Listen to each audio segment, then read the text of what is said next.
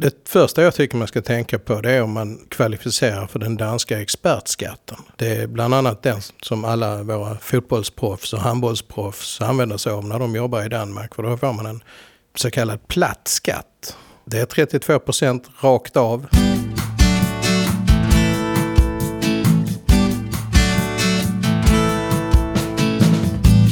Hej och varmt välkomna till Deloittes Mobility-podd. Episod nummer två. Härligt, nu sitter vi här igen. Jag heter Martina Junge. Jag är skattejurist och jag har jobbat på Deloitte med mobilityfrågor i ungefär sju år. Med mig har jag Johan Sander. Hej hej, Johan Sander heter jag. Eh, jag är också skattejurist och har arbetat med mobilitetsfrågor här i 23 år nu. Mm, och innan vi går vidare så vill vi bara informera om att vi i podden eh, bara pratar allmän information. Vi lämnar inte någon faktisk rådgivning här. Och är det så att ni har frågor som ni inte får svar på eller vill ha aktiv rådgivning att förlita er på så får ni jättegärna kontakta oss på mobilitypodden deloitte.se. Johan, hur Mm. känns det idag? Jo då, det är bara bra. Eh, eh, jag mår bra. Det är inga funderingar, inga nojor idag. Lite nojig faktiskt eh, när det gäller Öresund. Eh, kan man bara ta bilen över sundet hur som helst? Du tänker om man då bor i Sverige och arbetar i Danmark? Ja, Ja, det är väl bara att köra över? Eller? vad jag förstår när man ska pendla så kanske det går, men, men jag, jag vet inte. Hur funkar det där egentligen? Mm, det är tur att vi har en person här med oss idag som vet. Det är en person som har jobbat så mycket mot Danmark att han nästan är dansk själv kan man säga. Eh, vi välkomnar Anders Lagerholm från vårt Malmökontor. Tack så mycket. Eh, Anders, du får jättegärna börja med att berätta lite om dig själv. Ja, eh, Anders Lagerholm heter jag. Arbetar på Deloittes Malmökontor. Även en del i Köpenhamn och, på och Jyllandskontoren. Jag har varit på Deloitte i snart 17 år. Arbetar med mobilitet. Under hela den här tiden så har jag särskilt varit inriktad på Öresundspendlare. Jag har betydligt mer kontakt med de danska kollegorna än vad jag har med kollegorna här i Stockholm. Det går inte en dag utan att jag eh, pratar med någon från Danmark. Eh, när man eh, bor i Sverige och arbetar i Danmark, då, vad är det man först och främst ska tänka på då? Ja, när du får ett erbjudande om arbete i Danmark så eh, det första jag tycker man ska tänka på det är om man kvalificerar för den danska expertskatten. För de har nämligen en särskild skattelättnad och det är bland annat den som alla våra fotbollsproffs och handbollsproffs använder sig av när de jobbar i Danmark. För då får man en så kallad platt skatt och betalar bara cirka 32% skatt på hela inkomsten. Just det, och platt skatt, då, tänk, då menar du ingen progression alltså, utan det är 32 procent som gäller. Det är 32% rakt av Just det. Liknande våran eh, zinkskatt egentligen, särskild inkomstskatt. Ja, ungefär. Men det är, det är en skillnad. Vår zinkskatt så måste man ju vara begränsat skattskyldig. Just det. Och det finns inget sådant krav när det gäller den danska expertskatten. Det gäller både begränsat skattskyldiga och obegränsat skattskyldiga. Så det spelar ingen roll om du bor i Sverige eller Danmark. Du kan ändå få den här skattelättnaden. Okej, intressant. finns, finns dock vissa krav naturligtvis. och de kraven bör man då titta på. Till exempel har man varit skattskyldig i Danmark tidigare? För det får man inte ha varit. I alla fall inte under de senaste tio åren. Eh, har man tidigare haft expertskatt, man kan bara få det en gång. Och sen har vi då det viktigaste kravet. Du måste ha en månatlig inkomst om minst cirka 64 000 danska. Ja, bra tips. Ehm, när man bor, säg att man bor i Malmö då, och så jobbar man i Köpenhamn. Jag kan ju tänka mig att det är frestande att sitta kvar hemma i soffan med mysbrallorna och datorn i knät lite då och då. Gör det någon skillnad om man jobbar hemifrån? Ja, det beror på. Det är det vanliga juristsvaret, det beror på. För du kan jobba till viss del hemifrån. Så man kan säga att det är två tumregler man ska hålla sig till. Det ena är att när det gäller arbete i Sverige så ha inte mer än ett snitt om en dag i veckan i Sverige. För jobbar du mer än så i Sverige så påverkar det vilket lands socialförsäkring du ska tillhöra. Och den danska arbetsgivaren kommer inte att bli glad om du kommer att säga att jag jobbar två dagar i veckan i Sverige och ska tillhöra svensk socialförsäkring. Och det beror på att det är betydligt dyrare i Sverige. I Sverige betalar vi lite över 30 procent i arbetsgivaravgifter. I Danmark betalar arbetsgivaren mellan 10 och 15 000 danska per år. Så det är en oerhörd skillnad i lönekostnaden för, för arbetsgivaren. Så nästan alla danska arbetsgivare skyr svensk socialförsäkring som pesten. Men du Anders, eh, i, i, Sverige som sagt, som du nämner nu, så betalar vi ju 31,42 procent i arbetsgivaravgifter. Det är högt. Men när det gäller Danmark då, där betalar man i stort sett ingenting som du sa. Men jag som individ då? Om jag är socialförsäkrad i Danmark, bor i Malmö. Hur mycket betalar individen i avgifter i Danmark? De sociala avgifterna är inte så höga i Danmark. Det beror på att man eh, tar ut kostnaderna genom skatt. Och skatten betalar du oavsett om du är bosatt i Danmark eller Sverige. Så den tar man alltid ut i Danmark. Sen har man en liten eh, socialavgift också, men den ligger på cirka 94 danska kronor per månad för den anställde och så det dubbla för arbetsgivaren. Så det är inga stora kostnader. Det här med arbetsmarknadsbidrag då, finns det inte kvar? Jo, men det är numera är det en skatt. Det ändrades för det är ganska länge sedan, det är snart tio år sedan, så man ändrade det från att vara en social avgift till att bli en skatt. Mm. Um, men då har jag ju förstått att bor jag i Sverige och arbetar i Danmark så är det alltså dansk socialförsäkring jag ska tillhöra. Ja. Såvida jag inte arbetar för mycket i Sverige, för då kan det bli svensk. Och då blir min danska arbetsgivare inte glad på mig. Nej, det blir han absolut inte. Eller hon. Men vad innebär det då att tillhöra dansk socialförsäkring? Det innebär ju, förutom då avgiften, men för dig som individ så är det ju lite skillnader mellan Sverige och Danmark när det gäller de sociala förmånerna. Och de så säga, klassiska förmånerna, de mest vanliga, det är ju till exempel vad händer när jag blir sjuk? I Sverige vet vi om att då har du en karensdag och sen blir det 80 procent av lönen. I Danmark är man lite mer generös. För i Danmark har vi inga karensdagar. Och arbetsgivaren betalar full lön under sjukdom. Okej, jag satt här och var beredd på att eh, nej, när man hör lite avgifter som betalas och så vidare, det kan inte vara något vidare att hänga i granen det här, men eh, ja, fortsätt Anders, det låter ju intressant. Sen har vi den andra delen, eller nästa del av de här viktiga sociala förmånerna och det är ju föräldrapenningen. Föräldraledigheten ser lite annorlunda ut. Sverige är ju extremt generösa med föräldraledigheten. Du har ju även föräldraledighet i Danmark men det ligger på totalt 52 veckor. Plus att i Danmark så skiljer man på mamman och pappan. Mm -hmm. Så att mamman har rätt till ett visst antal veckor och sen har pappan rätt till två veckor. Aha. Sen resterande del, det är cirka 30 veckor, de kan man fördela fritt mellan sig. Och under tiden då när du är föräldraledig så får du vad danskarna kallar barseldagpenning det vill säga föräldrapenning. Och den får man då från eh, myndigheterna, från Utbetalning Danmark. Just det, och nivån på den ungefär jämfört med svensk? Du har aldrig varit föräldraledig i Danmark sägs så det är inte så lätt att veta kanske. Nej, jag har, jag har inte varit föräldraledig i Sverige heller. Men eh, man kan väl säga att det ligger på mellan 3 500 och 4 000 danska kronor per vecka. Mm. Skattepliktigt. Mm. Så det är inte så jättestor skillnad mot Sverige. Nej.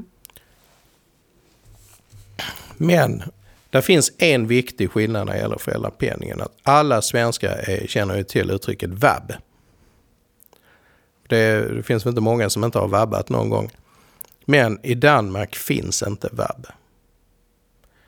Däremot så är det vanligt numera att arbetsgivaren kanske ger ledigt en, i enstaka fall två dagar vid barns sjukdom. Och då får man använda den dagen för att hitta någon som kan ta hand om barnet eller barnen därefter. Danmark måste ju ha Europas friskaste barn då? I alla fall, i alla fall har man oerhört mycket vänliga mor och farföräldrar. Ja. Och sen eh, när vi då är inne på barn så är det ju en liten skillnad också när det gäller barnbidraget. Beloppsmässigt så eh, är det danska barnbidraget generellt sett högre än det svenska. Och sen så skiljer man också så att beloppet är högre när barnen är små. Och sen så sjunker det. Plus att det är en sak som har varit debatterad länge i Sverige, det är att i Danmark så har man infört en beloppsgräns. Det vill säga att det är inkomstrelaterat. Så har du en inkomst, som, någon förälder har en inkomst som överstiger 750 000 danskar om året så får du inget barnbidrag. Mm -hmm. Och varför, varför pratar jag då om barnbidraget? Jo, det är så att om du då är bosatt i Sverige och jobbar i Danmark så kanske din partner jobbar i Sverige. Och då har ju, tillhör ni ju varsitt lands socialförsäkring. Och barnbidraget ska då betalas ut i det landet där barnen är bosatta. Det vill säga i Sverige. Mm. Men den partnern som har arbete i Danmark har faktiskt rätt att få ut mellanskillnaden från mm. Danmark mm. om det. det danska är högre än det svenska. Men då måste man tänka på den här beloppsgränsen med 750 000 danskar. Mm. Numera fungerar det ganska smidigt. Det, går vi tillbaka 15 år i tiden så eh, var det lite knackigt att få ut den här mellanskillnaden. Men numera fungerar det ganska smidigt. Men, men du Anders, vad händer då? Säg att jag, jag bor i Malmö, eh, jobbar i Köpenhamn och sen måste jag gå till tandläkaren. Och så går jag till tandläkaren i Sverige. Vad händer då? Eh, funkar det då? I och med att du är gränsgångare som man kallar det. Du, du åker tillbaka hem regelbundet i veckan. Då har du faktiskt rätt till sjukvård i båda länderna. Så du kan välja om det, om det gäller läkare så väljer du om du ska gå till svensk eller dansk läkare. När det gäller tandläkare, samma sak, du väljer. Men det är en skillnad. När det gäller sjukvården så behöver du inte ha något särskilt intyg. I och med att du är folkbokförd i Sverige så är det ju inga problem. Men tandvården, då måste du ha ett särskilt intyg från Försäkringskassan. Mm. Och det här intyget, man söker på en särskild blankett om vård. Och den ska då skickas till eh, Försäkringskassans inläsningscentral. Samtidigt måste du även skicka med ett anställningsbevis, kopia av din senaste lönespes och upp, kontaktuppgifter till någon person hos arbetsgivaren. Sen får du ett intyg och när du har det så kan du gå till svensk tandläkare. Mm -hmm. Har du någon erfarenhet av danska tandläkare? Nej, det har jag inte. Men eh, vad jag har förstått så är eh, de danska tandläkarna lite dyrare än de svenska. Okay. Men det jämnar ut sig, för i Danmark har du ingen patientavgift när du söker mm. sjukvård. Men du Anders, de flesta som bor i Sverige och jobbar i Danmark, de är ju folkbokförda i Sverige. Ja. För de tillbringar dygnsvilan i Sverige regelbundet. De är folkbokförda enligt folkbokföringslagen. Men vad händer då om jag bara skulle välja att bo i Danmark istället och folkbokföra mig där? Då har jag en liten fråga som jag har fått. Kan jag behålla min jaktlicens i Sverige då? Vet du det? Tidigare har det varit så att ett krav på jaktlicens att du måste ha en folkbokföringsadress i Sverige. Eller i vart fall en särskild postadress. Så då förlorar man den möjligheten? Yes. kan vara bra att veta för er som jagar. Det gäller inte bara om du flyttar till Danmark, det gäller om du flyttar utomlands överhuvudtaget. Mm. Um, Johan, din noja var ju lite grann om man tar bilen bara över sundet hur som helst. Vad har du att säga om det, Anders? Jag gör själv det ganska ofta, åker över till Köpenhamn och det är inga problem. Då använder jag min svenska bil. Så länge du är bosatt i Sverige så är det inga problem att köra med din svenska bil i Danmark. Men vad händer om du blir erbjuden dansk tjänstebil? För då har du en dansk-registrerad bil. Så länge du regelbundet, alltså du har huvuddelen av ditt arbete utförs i Danmark. Då är det inga problem. För regelverket säger att är du bosatt i Sverige så kan du använda en nordisk registrerad bil i Sverige upp till ett år. Och när det gäller Sverige-Danmark när du är gränsgångare återvänder hem, regelbundet kommer hem på kvällen och så kör du över till jobbet på morgonen. Då räknar man den här 12 månadersperioden från det att du för ut bilen ur landet. Och när du sen kommer hem på kvällen då bryter du. Och när du åker över nästa morgon så påbörjar du en ny 12 månadersperiod. Så det är inga problem. Okay. Men det viktiga är att du har eh, merparten av ditt arbete utförs i Danmark. Så det fungerar inte om du bara jobbar två dagar i veckan i Danmark. Mm, Okej. Okay. Hur är det då med deklaration, alltså um, inkomstdeklaration för personen som arbetar? Var eh, deklarerar man egentligen när man bor i Sverige och arbetar i Danmark? Du deklarerar i båda länderna. Mm -hmm. Så lätt kommer man inte undan. Nej, Okay. I Sverige deklarerar du för att du är bosatt här i Danmark för att du arbetar i Danmark. Men det man ska tänka på det är ju att den lönen du beskattas för i Danmark, den beskattas du inte för i Sverige. Nej, just det. Men du måste tänka på att sätta ett kryss i rutan på baksidan av deklarationsblanketten att du har arbetat utomlands och har inkomst utomlands. Men, men då Anders, då, så jag jobbar i Köpenhamn, jag betalar skatt i Köpenhamn, jag betalar ingen skatt i Sverige. Nej. Eh, men om jag då har ränteutgifter till exempel i Sverige för att jag har lånat pengar till mitt hus. Eh, då finns det ju ingen inkomst att dra av den här ränteutgiften mot kanske. Eh, får jag avdrag i Danmark då för min ränteutgift? Du kan till och med få avdrag i båda länderna för samma ränteutgift. Jaha. Och det, det beror på att vi har ett skatteavtal mellan Sverige och, och mellan de nordiska länderna. Och, men det här avtalet det behandlar bara inkomster, inte avdrag. och enligt svensk intern rätt så får du göra avdrag för dina räntekostnader för du är bosatt här och deklarerar. I Danmark, det är inte säkert att du kan göra avdrag för dina räntekostnader. För om du har den här danska expertskatten, då får du inte göra några avdrag överhuvudtaget i Danmark. Inte ens avdrag för resor till och från arbetet. Ja, just det. I och med att skatten är så pass låg så får du inte göra några avdrag. Men om jag betalar vanlig dansk skatt?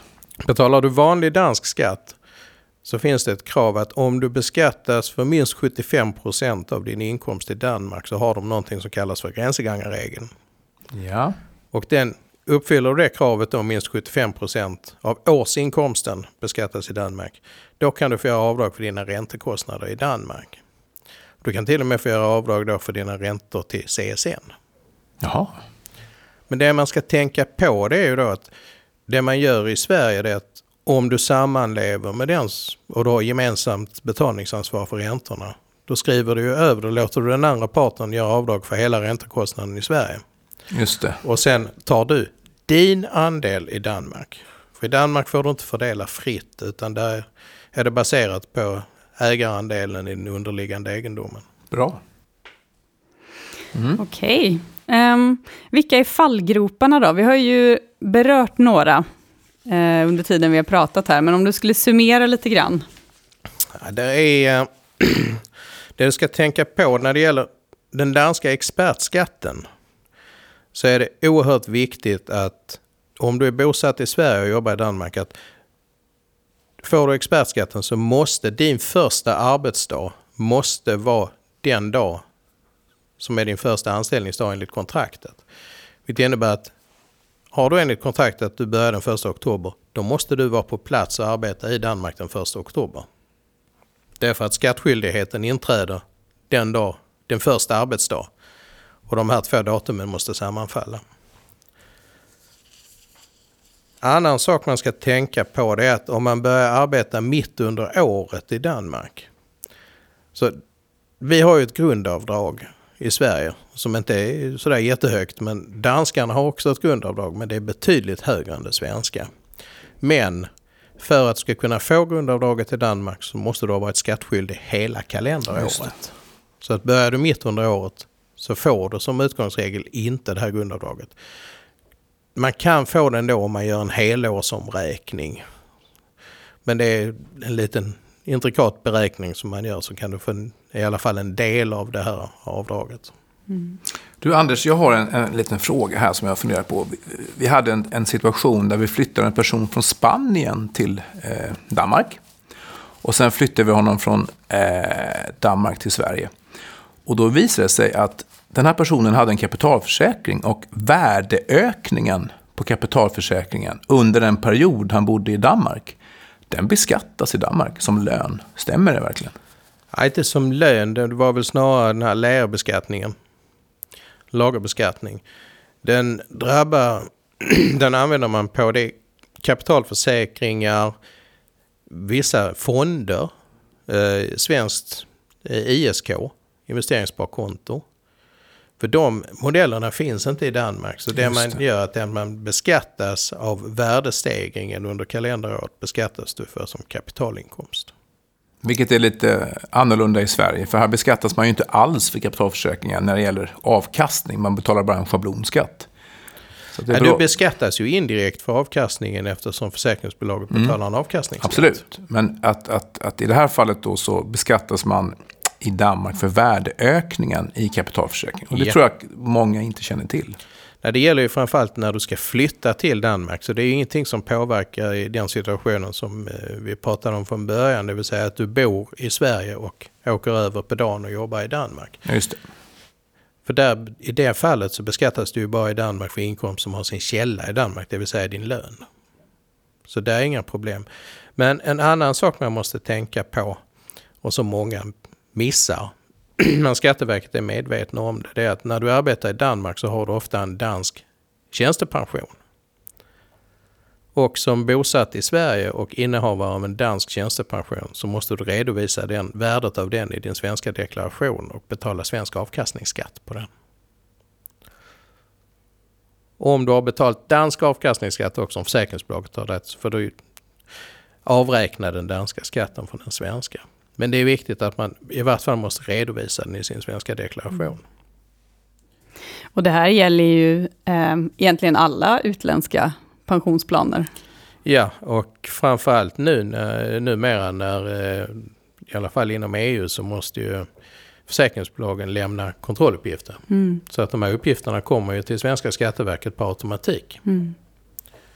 Mm. Eh, några andra fallgropar, några andra saker som man måste tänka på det är ju att när vi pratade innan om socialförsäkringen.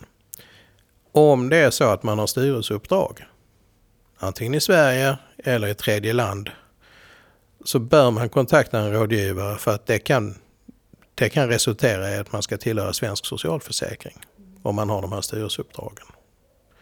Men det bör man titta på speciellt. Eh, en annan sak som egentligen inte har med skatt att göra, eller socialförsäkring, det är att när du går över i en dansk anställning så, eh, och du är med i svensk fackförening eller svensk a-kassa.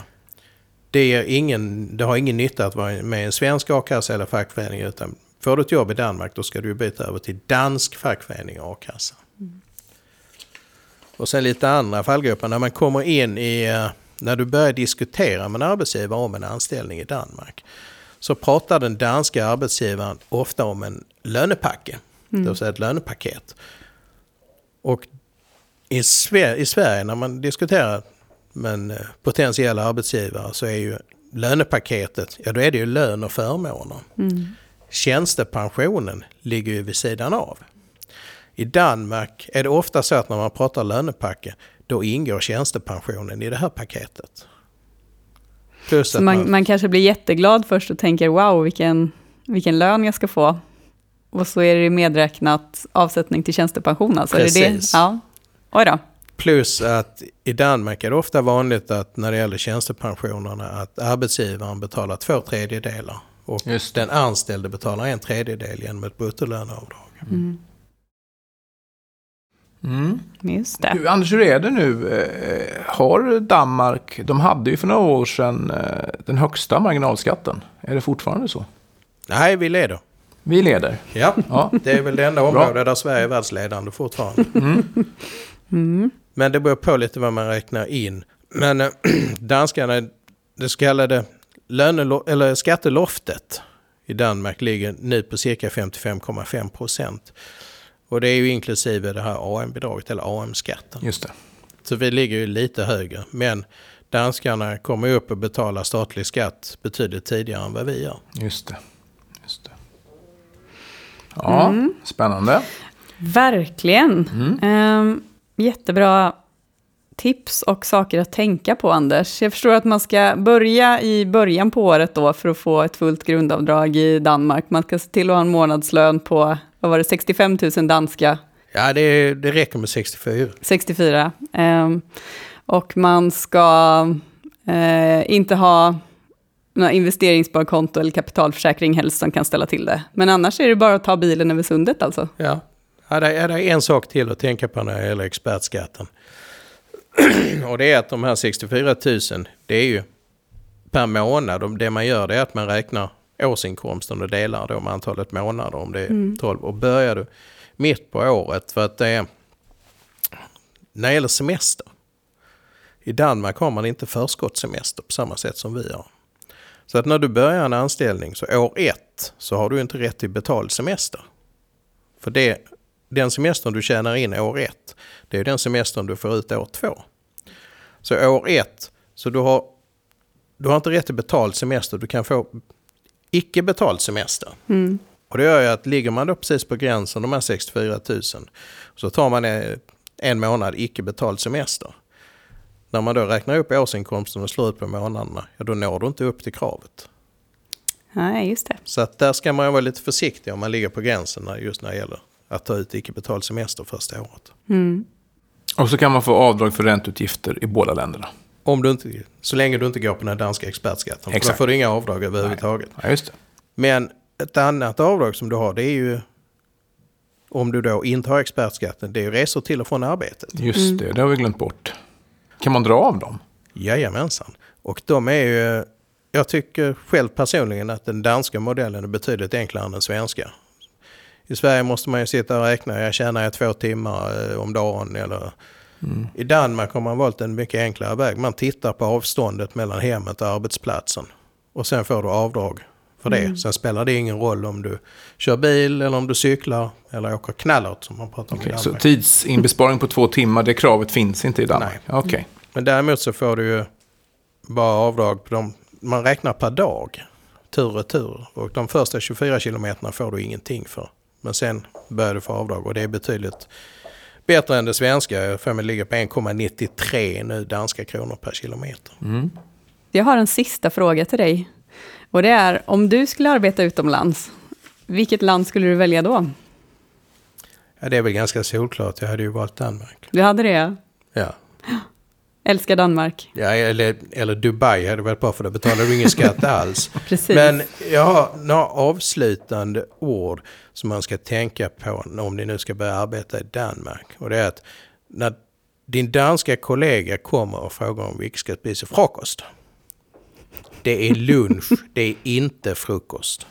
Ah, Plus att det finns ju en fördom i Sverige, eller vad man ska kalla det.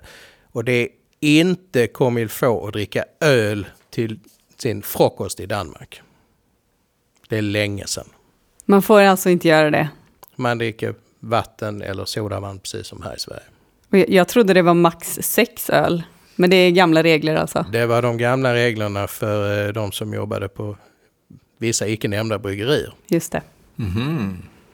Bra, så fick vi in lite danska där också, Anders. Jag hade ju faktiskt tänkt be om ett, eh, ett litet eh, citat på danska, men nu fick vi det. Fint.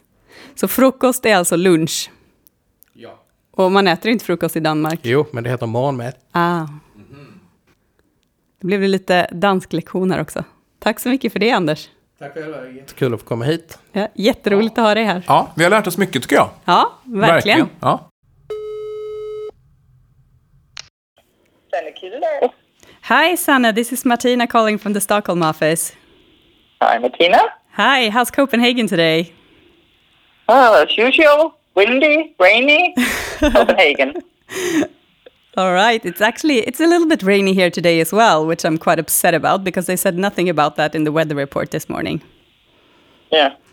They always us, don't they? They do, yes, yes. Yeah. Um, all right. Um, you know, I'm doing this uh, podcast together with uh, Johan Sander, and in each episode, we call someone from a colleague of ours from another uh, country. And uh, you and I know each other quite well, but for our listeners, can you please just tell us a little bit about yourself? I work in the Deloitte Copenhagen office within Global Employer Services, which is part of the tax department. Uh, and I'm a senior tax manager, and I assist uh, employees and companies uh, coming to Denmark or leaving Denmark and setting up the most beneficial solutions for, for everyone involved. So we do a lot of advice and calculations, and I just love taxes. I mean, advising about them, not actually paying them, but I like the subject. yeah, that would be a great service, though, if we paid the taxes as well. And you work a lot with Anders uh, Lagerholm as well, right? He was a guest Yes, in our yes. episode today.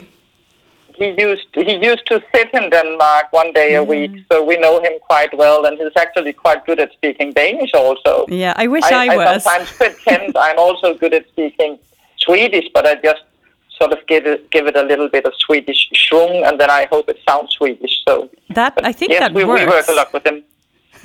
I think that's that's actually uh, yeah. I think that works very well. All right, so I, I prepared some questions for you, Sanne. Are you ready? Mhm. Yeah, I'm ready. Perfect. So um, I was wondering what the best way to socialize in Denmark is.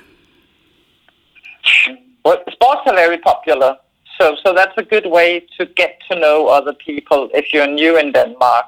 Uh, you can also uh, just meet people, but you should expect to be invited home to people. So if, if someone asks you to come to their home for a meal, that's quite normal. We, we normally don't go out to have a meal with people we don't mm-hmm. know too well if we're getting to know them. Okay, that's interesting. I think in Sweden we tend to do the opposite. If we if we're socializing with someone we don't know all that well, we choose like a neutral place, like a cafe or Yeah, a restaurant yeah. or something like that. Oh well.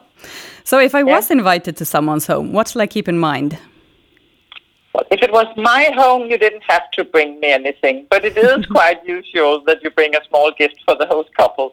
Uh, that that's sort of tradition in Denmark. Okay, uh, in a business meeting, then, what shall I keep in mind? What shall I do, and what should I not do?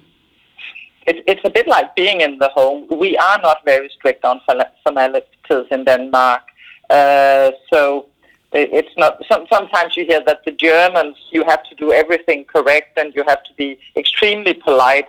We don't always expect that. Sometimes also we forget to to be formal even when needed, so we have a bit of a problem there. But but if you try to listen and do not interrupt too much, then you're fine.